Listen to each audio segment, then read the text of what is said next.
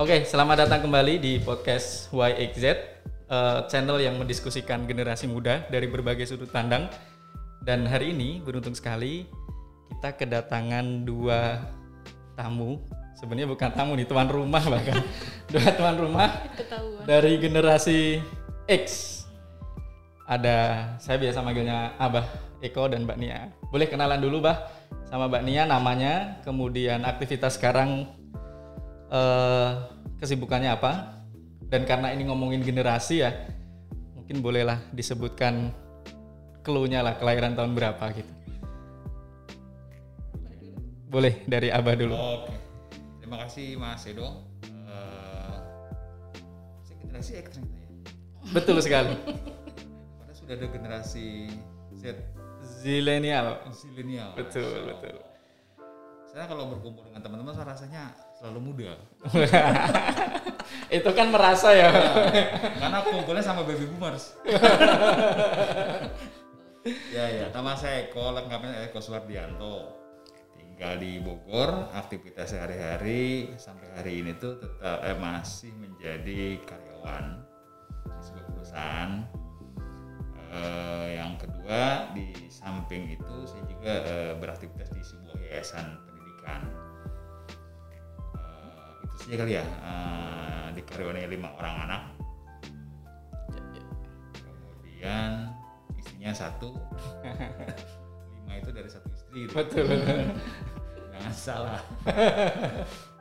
ya kayak itu deh. Ya, ya, ya. Berarti sekitar tujuh bulan awal ya, Pak ya, kelahiran, Pak? 70 70. Oke, sip. Masuk generasi X nih. Kalau Mbak Nia, boleh dong kenalan, Mbak? Oke, eh, saya Nia. Lahir di akhir 70, jadi mungkin buntut Gen X yang ujung-ujung akhir gitu ya. Eh, aktivitas banyak di rumah sekarang, eh, nemenin an- satu anak remaja, lalu kerja-kerja freelance consulting, lalu saya juga baru mendal- mendalami jadi coach. Pokoknya apa aja yang bisa dilakukan untuk membantu orang lain lah itu saya lakukan. Sip, terima kasih Abah. Nat, suara Abah boleh maju dikit ya. Ya, eh, nah hari ini kita akan coba ngobrolin ya, teman-teman eh, tentang stereotip nih. Jadi di podcast ini ada akan ada beberapa sesi yang akan membahas stereotip-stereotip terhadap generasi tertentu gitu. Hari ini kita akan coba mengulik sebenarnya bener nggak sih stereotip-stereotip yang diberikan oleh orang banyak nih kepada generasi X yang sebenarnya ini juga nggak bisa diwakili oleh Abah Eko dan Mbak Nia gitu. Cuman Abah Eko dan Mbak Nia bisa bercerita berdasarkan pengalaman, berdasarkan apa yang sudah dialami saat ini gitu terhadap bener nggak sih stereotip-stereotip tersebut gitu. Jadi nanti saya akan coba ngasih beberapa pernyataan terhadap stereotip tentang generasi X dan nanti Abah Eko dan Mbak Nia boleh setuju, boleh tidak setuju, boleh bisa jadi atau apa pun lah gitu dan boleh dikasih penjelasan gitu. Jadi buat pendengar, buat penonton nanti bisa coba bener nggak ya eh, stereotip-stereotip itu muncul gitu. Nah, pertama nih, biar Nah ini berdasarkan beberapa banyak teori ya, teori tentang stereotip terhadap generasi X. Yang pertama itu mereka menganggap bahwa generasi X itu independen, independen dan merasa eh, ingin selalu melawan otoritas. Nah bener nggak kalau kayak gitu? Mungkin dari Mbak Nia dulu deh. Hmm, kalau ini berarti dari pengalaman aja ya. Yap. Kalau personal terutama ya, Eh, kayaknya sih bener, kayaknya sih bener ya. Eh, independen itu artinya memang? Tidak tidak ingin banyak dikekang gitu ya oleh aturan-aturan kayak gitu tuh. Sepertinya sih kalau saya melihat saya, lalu mungkin beberapa teman saya itu lumayan nampak gitu ya bahwa kami tuh tidak ingin banyak eh, diatur. Pingin kalau kerja itu sesuai dengan maunya kita cara-caranya kita sendiri gitu ya. Eh, nampaknya itu sih cukup benar buat buat buatku gitu ya. Kalau tahu kalau Kalau abang gimana bah? Sepakat? Atau ada yang kayaknya sepakat dalam beberapa sisi tapi enggak. berdasarkan kalau kalau rujukannya saya pribadi ya sama. Artinya eh, per hari ini kalau tadi saya menyatakan perkenalan dari karyawan itu kan dalam konteks eh, memenuhi memenuhi apa ya memenuhi ekspektasi oh bukan memenuhi ekspektasi saya. Memenuhi- jadi saya tuh kalau dikategorikan tuh mungkin orang yang tengah lah gitu ya. Jadi nggak nggak suka nggak suka perdebatan gitu. Ah, makanya kemudian ada satu sisi saya yang mengikuti kemauan eh, orang-orang dekat itu istilah mereka tuh ya berstatus lah gitu. Jadi jadilah saya karyawan. Tapi aktivitas terbanyak saya memang justru bukan di kegiatan yang rutin gitu. Hmm. karyawan sendiri pun kalau kita mengacu pada definisi gitu kan mereka punya jam kerja yang tetap gitu punya hari kerja yang tetap gitu nah status karyawan saya itu tidak begitu Hmm. seperti itu. Jadi berangkat siang, pulang sore, berangkat pagi, pulang malam gitu, dan tidak harus tiap hari gitu. Nah, itu yang saya jalani, walaupun statusnya karyawan. Nah di samping itu ya bang kegiatannya nggak nggak diatur gitu. Makanya kegiatan di yayasan itu kan kegiatan yang saya create sendiri bersama dengan teman-teman, termasuk Unia sebagian, Nah, sebagian. Tapi ya itu itu ekspresi gitu ya. Iya iya iya. Nah, gitu. Nah, tapi kalau kalau mengacu pada kawan-kawan saya, ini kan saya tinggal di lingkungan oh, masa kecil saya dihabiskan di komplek tentara. Iya iya. Jadi ketika lulus SMA itu, oh, itu mungkin jadi mindset kali ya, entah karena kita anak-anak tentara gitu, ya jadilah eh, karyawan tetap. Hmm. Jadi keberhasilan teman-teman saya yang semasa kecil itu, ya kalau mereka bekerja di tempat-tempat yang tereng gitu, yang besar, perusahaan-perusahaan BUMN besar gitu, kira-kira gitu. Eh, jadi kalau disebut eh, apa tadi independen. independen itu di saya iya, tapi tidak di, di- yang saya tahu banget teman-teman SMA. Kalau teman-teman kuliah juga sama. Eh, apalagi zaman saya itu harusnya kan lulus lulus pada saat pada waktu itu 97 ya. Waktu reformasi lah ya. Nah, sebelum reformasi kalau salah. Itu malah eh, pada saat apa namanya perbaikan perbankan lo ada ada eh, krisis moneter Nah, itu anak-anak anak-anak ekonomi itu laris manis gitu. Jadi eh, tiba-tiba naik jabatan dengan gaji itu banyak sekali. Tapi nggak saya. Gitu. Dan dan mungkin juga karena saya seperti ini, kawan-kawan saya yang per hari ini tuh ya seperti sama, yang tidak suka rutinitas, yang tidak suka eh, peraturan-peraturan yang harus dijalin seperti itu. Gitu. Kira-kira gitu bu, besar saya. Oke, mungkin mungkin kalau soal independen itu kan artinya mungkin banyak gitu ya. Ya, ya, Jadi kalau mungkin soal nggak suka di apa rutinitas itu mungkin eh, bisa dilihat di banyak orang gitu ya, di banyak teman-teman kami. Tapi mungkin kalau soal independen dalam arti memilih apa pekerjaan itu tuh nggak nggak bisa digeneralisis digeneralisasikan sebagai generasi. X sukanya kerja yang apa yang freelance atau yang nggak mau di struktur nggak nggak nggak mau di struktur karena banyak juga memang sih kalau saya ingat-ingat teman-teman waktu dulu waktu habis kuliah juga masih punya mindset yang sama gitu. Maksudnya kerja di tempat-tempat yang Apa? keren yang ya biasalah kalau Multi level. MNC lalu BUMN besar terus di tambang dan sebagainya Iya. gitu yang kayak kayak saya yang dari awal nggak milih itu ya mungkin ya nggak banyak tapi bahwa ketika bekerja itu ingin punya apa eh, tidak terkekang oleh rutinitas bisa bisa terus berkreasi gitu mungkin bisa ditemui di beberapa yang lain juga selain selain kami gitu. Nah, yang bikin beda apa Mbak? Kalau misalnya ngobrol ngomongin tentang tadi kan kondisinya Mbak Nia, Abah dan teman-temannya itu kan bisa berbeda ya, meskipun dalam satu generasi gitu. Selain tadi Abah sudah sempat nyinggung terkait lingkungan gitu, ada nggak faktor lain yang membuat yang mempengaruhi perbedaan nih terkait independen tadi ya, independensi yang dirasa oleh yang sekarang yang selama ini sudah terlabel nih ke generasi X. Ya mungkin sama sih sama dengan Abah eh, soal bagaimana kita dibesarkan gitu ya. Hmm. Apa eh, masing-masing kan beda bagaimana lingkungan keluarganya membesarkan dia. Kalau Abah kan cerita di lingkungan militer gitu ya. Kalau saya mungkin eh, apa namanya eh, lahir di keluarga besar dan kebanyakan semuanya PNS gitu. Tapi justru dengan itu saya nggak mau jadi PNS karena Hmm. semuanya mau terus ke PNS lagi PNS lagi mau yang lain ah gitu. Iya, iya. Dan setelah melihat maksudnya bagaimana orang tua apa, apa almarhum bapak sama saudara-saudara saya yang PNS itu kerjanya kayaknya eh, dari jam 9 eh, dari jam 8 sampai jam 3 gitu. Itu terus kayaknya mungkin menurut saya waktu itu kurang asik gitu ya. Terus ya mau nyari yang lain aja gitu. Jadi mungkin kalau saya eh, mungkin juga yang disebut independen itu juga mau berbeda gitu ya. Itu juga mungkin agak bisa ditemukan di beberapa Gen X gitu ya. Maunya beda entah bedanya ben- bener atau enggak tuh. Pokoknya pengennya tuh agak beda dengan kerumunan yang lebih besar gitu. Eh, eh, paling tidak itu ada di saya dan beberapa teman dekat saya gitu yang yang mungkin mirip-mirip gitu. Itu sih lahir dari mana dibesarkan seperti apa nilai-nilai apa yang ditanamkan di keluarga gitu ya kan. Eh, beda-beda gitu. Jadi faktor keluarga, faktor lingkungan terdekat, bahkan lingkungan di masyarakatnya di kampungnya ketika kecil itu yang juga membangun Independensi. independensi tadi ya gitu dan itu pun juga berbeda-beda ya Iya. Mbak Kalau, ya. kalau pakai contoh gini, eh, saya itu empat bersaudara. Eh, tiga, dua orang, eh, satu orang eh, PNS. Hmm. Dia bicara independensi tapi tidak bicara status ya. Satu orang karyawan swasta, satu orang karyawan BUMD.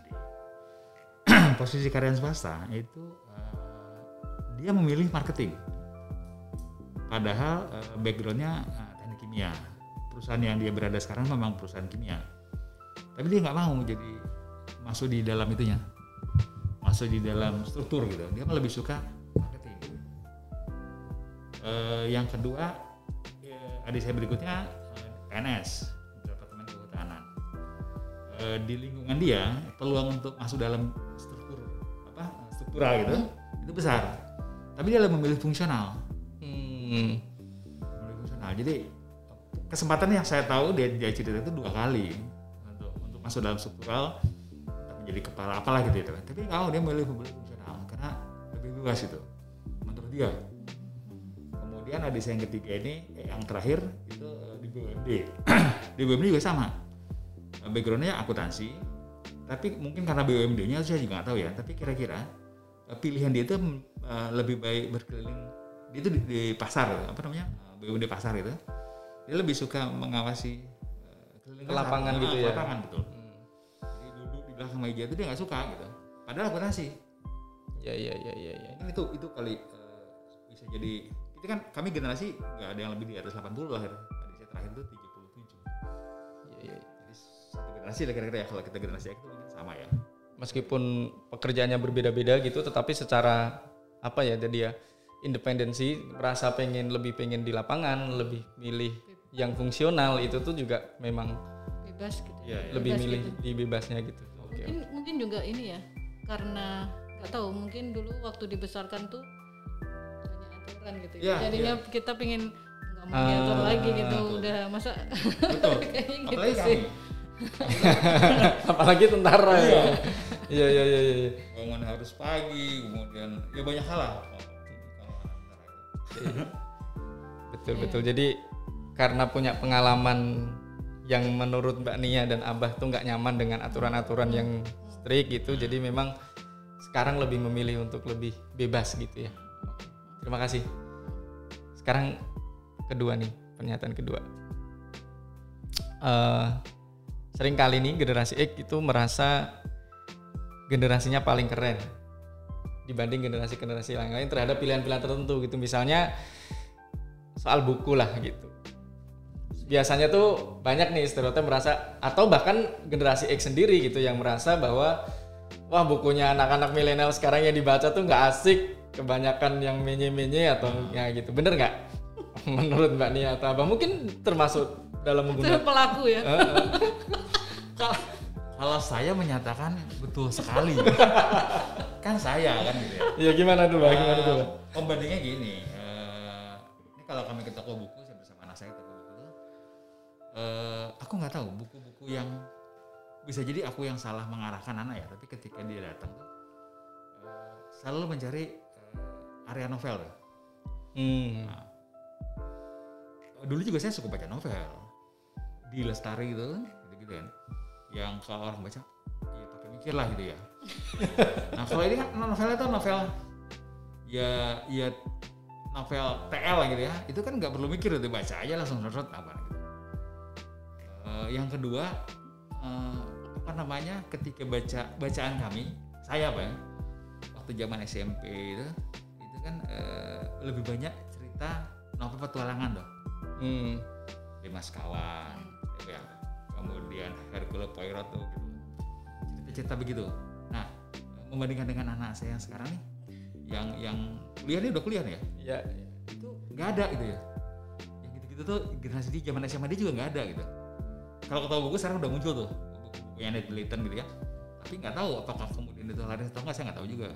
Tapi yang jelas anak saya nggak nggak suka baca itu. Dan menurut Abah apa yang dilakukan Abah zaman dulu ketika remaja gitu ketika masih muda gitu lebih keren ya dibanding iya pilihan anaknya Abah tadi ya. baca baca baca lima sekawan kemudian kita bersama kawan-kawan tuh ya ya mencoba untuk melakukan itu gitu. Ah, ya kan gitu ya. Jadi kan itu ada cerita terjebak di Iya, pulau iya. menara gitu ya. Kemudian kita bayangkan kami itu sempat masuk mencoba masuk ke kan di, di lingkungan menara ya masuk ke pangkalan tuh robos jalan belakang kira-kira gitu ya dimarahi sama sama apa namanya Apa? apa namanya polisi militer pak hmm. diusir gitu tapi tapi itu kira-kira sama gitu loh kita coba yuk gitu nah eh, aku nggak tahu kalau dari sisi bacaan tadi kan nah, itu dari dari waktu kami remaja kemudian ke sini ketika bergaul dengan teman-teman eh, di lingkungan kampus gitu ya ketemu aja dengan yang sekarang kalau saya nyebutnya mereka aktivis Hmm. kalau saya kan cuma ikut-ikutan aja nih Ya ya ya. ya. kalau saya kalau teman aktivis kita dianggap aktivis kan bisa gaya juga tuh. Walaupun nggak aktivis juga gitu Betul, betul. nah tapi dari bacaannya ya kira-kira sama gitu. Kalau kalau teman-teman uh, apa namanya nasionalis itu ya hari ini kita nyebutnya itu harus baca di bawah benar revolusi. Ah, ya, luar biasa. Ya kita baca gitu.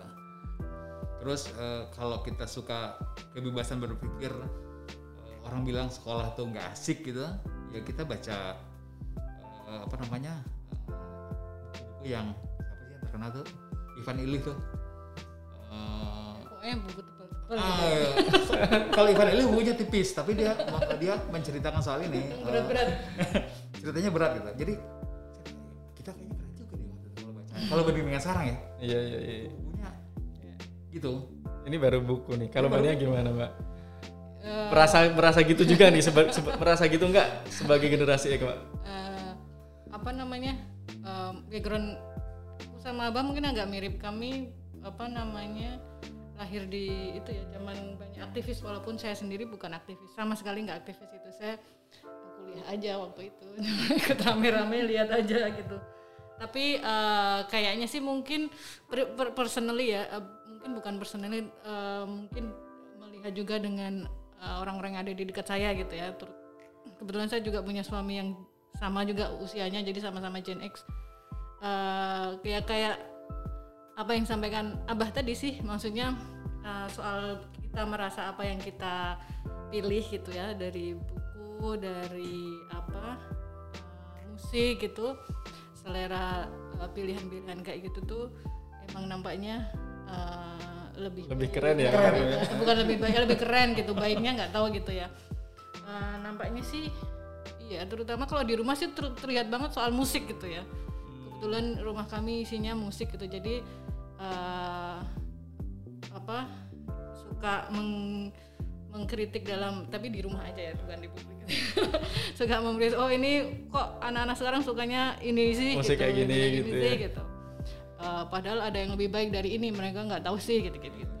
Eh, mungkin itu juga di latar belakangnya waktu itu memang suasana zamannya suasana kritis gitu ya. Maksudnya itu yang kita ada di lahir atau remaja besar di suasana yang membuat kita itu kritis berpikir kritis lalu jadi kita jadi apa ya asik mencari tahu gitu ya. Senang mencari tahu apa yang bisa membantu kita survive. Kayak teman-teman aktivis kan dengan buku-buku yang eh, apa buku-buku pergerakan lalu juga melakukan aktivitas itu gitu.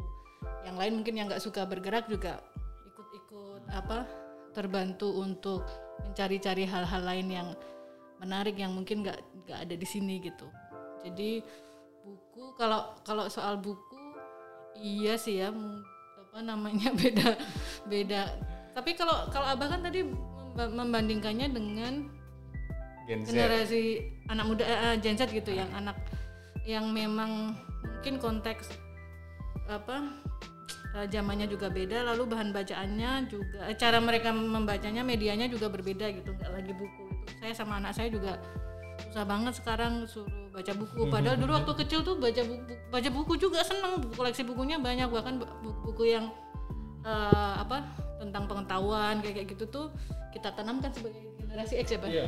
Kamu kalau baca buku yang yang keren gitu loh gitu itu, itu pasti tertanam.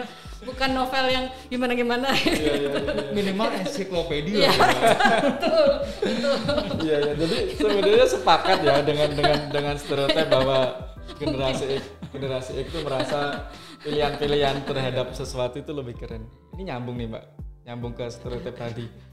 Sepakat nggak kalau misalnya generasi X itu dibilang sinis terhadap generasi lain? Karena tadi itu kan sepakat ya bahwa merasa generasi X itu lebih keren dibanding generasi yang lain gitu. Nah, sekarang negatifnya juga ada gitu. Karena merasa lebih keren itu dianggap generasi X itu sinis. Terlalu sinis nih terhadap generasi generasi lain. Bener juga nggak? Mungkin aku nggak tahu ya kalau sinis. Mungkin kalau eh, kritis iya gitu ya. Sinis mungkin sedikit iya gitu ya Eh, tapi nggak tahu juga maksudnya itu bisa me- me- mewakili semuanya apa enggak gitu. Eh, tapi menurutku sih kalau setiap generasi gitu pasti merasa generasinya paling baik. Aku sih yakin begitu gitu ya. Nggak tahu yang nggak tahu kalau Gen Z ya. Kan mereka juga baru baru membentuk gitu ya karena mereka baru apa namanya baru remaja gitu Eh, aku sih yakin millennials juga merasa kalau kumpul-kumpul ya merasa dirinya terbaik juga gitu. Cuma ya kalau soal sinis eh, suka melihat eh, apa yang kurang dari orang atau dari sebuah ide atau dari sebuah produk gitu-gitu sih menurutku tuh kayak mungkin basic critical thinking kita yang diasah waktu kuliah lumayan lumayan banyak gitu ya pak ya? Gimana abah? Iya, iya. jadi bukan sinis tapi krit- kritis ya. Kalau abah gimana bah Eh, Iya betul. Kalau menurut saya sih eh, tergantung ini, tergantung lingkungan waktu kita bergaul semasa kuliah terutama. Ah, Itu dia membuat eh, jadi kita eh, apa namanya memandang kelompok lain ya. Bisa sesama kita nih, sama generasi X itu. saling menghina Heeh. oh gitu bahkan bahkan sesama generasi ya pak ya Gila. suka menghina gitu Kayak kayak gitu aja kok jadi ribut loh gitu. Nah, masa begitu aja susah banget sih? Ya gitu tuh. Iya iya. Itu tuh biasa tapi dengan bahasa-bahasa kami ya. Nah bahasa juga kadang-kadang mempengaruhi. Maksudnya kami itu kalau guyon tuh sesama kami itu ketika di aku di rumah tuh suka suka ngopi misalnya kami saya tuh mengajak beberapa kawan karena eh, di Bogor baru baru terbentuk alumni gitu kan. Jadi sering tempat saya jadi seperti tempat kumpul. Kalau mereka pulang anak-anak saya bisa tanya ya itu tadi apa sih kok bisa ketawa begitu jadi nggak paham gitu loh Hmm. ada bahasa Indonesia. Walaupun ada banyak bahasa Jawanya gitu ya. kosakatanya nggak ada yang tahu gitu ya Apa sih itu kok bisa lucu gitu lah. Nah itu kan sama seperti saya kalau melihat mereka gitu. Jadi ngobrol sedikit ketawanya banyak gitu. Kok bisa ya gitu loh. Apaan sih yang dibahas itu? Kalau diceritain ya nggak nggak luar biasa biasa aja. Eh, yang terakhir itu soal eh, apa namanya? Ini kan eh, penerimaan mahasiswa baru nih. Baru anak saya eh, ikut. Nah kemudian jadi lucu. Hanya karena bahas ini. Orang temennya ada milih di mana? Di Sumatera. Kemudian kakaknya kakak yang anak saya sekarang nih jadi anak saya yang pertama sebenarnya gini ngapain kamu di Sumatera? Tolong teman saya yang kuliah di sana aja kalau ujian itu harus ngambil kertas gitu. Nah itu tuh bisa lucu buat mereka. Hmm. jadi nggak pakai teknologi gitu nggak pakai internet. Terus ketawa gitu loh.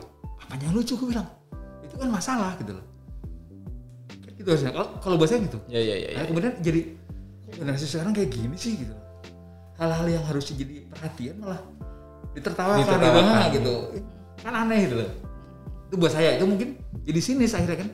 Hmm. Apa sih ini gini? padahal sebenarnya kritis menurut abah Harusnya itu dikritisi gitu. Ah, Tapi malah jadi lucu buat mereka. iya.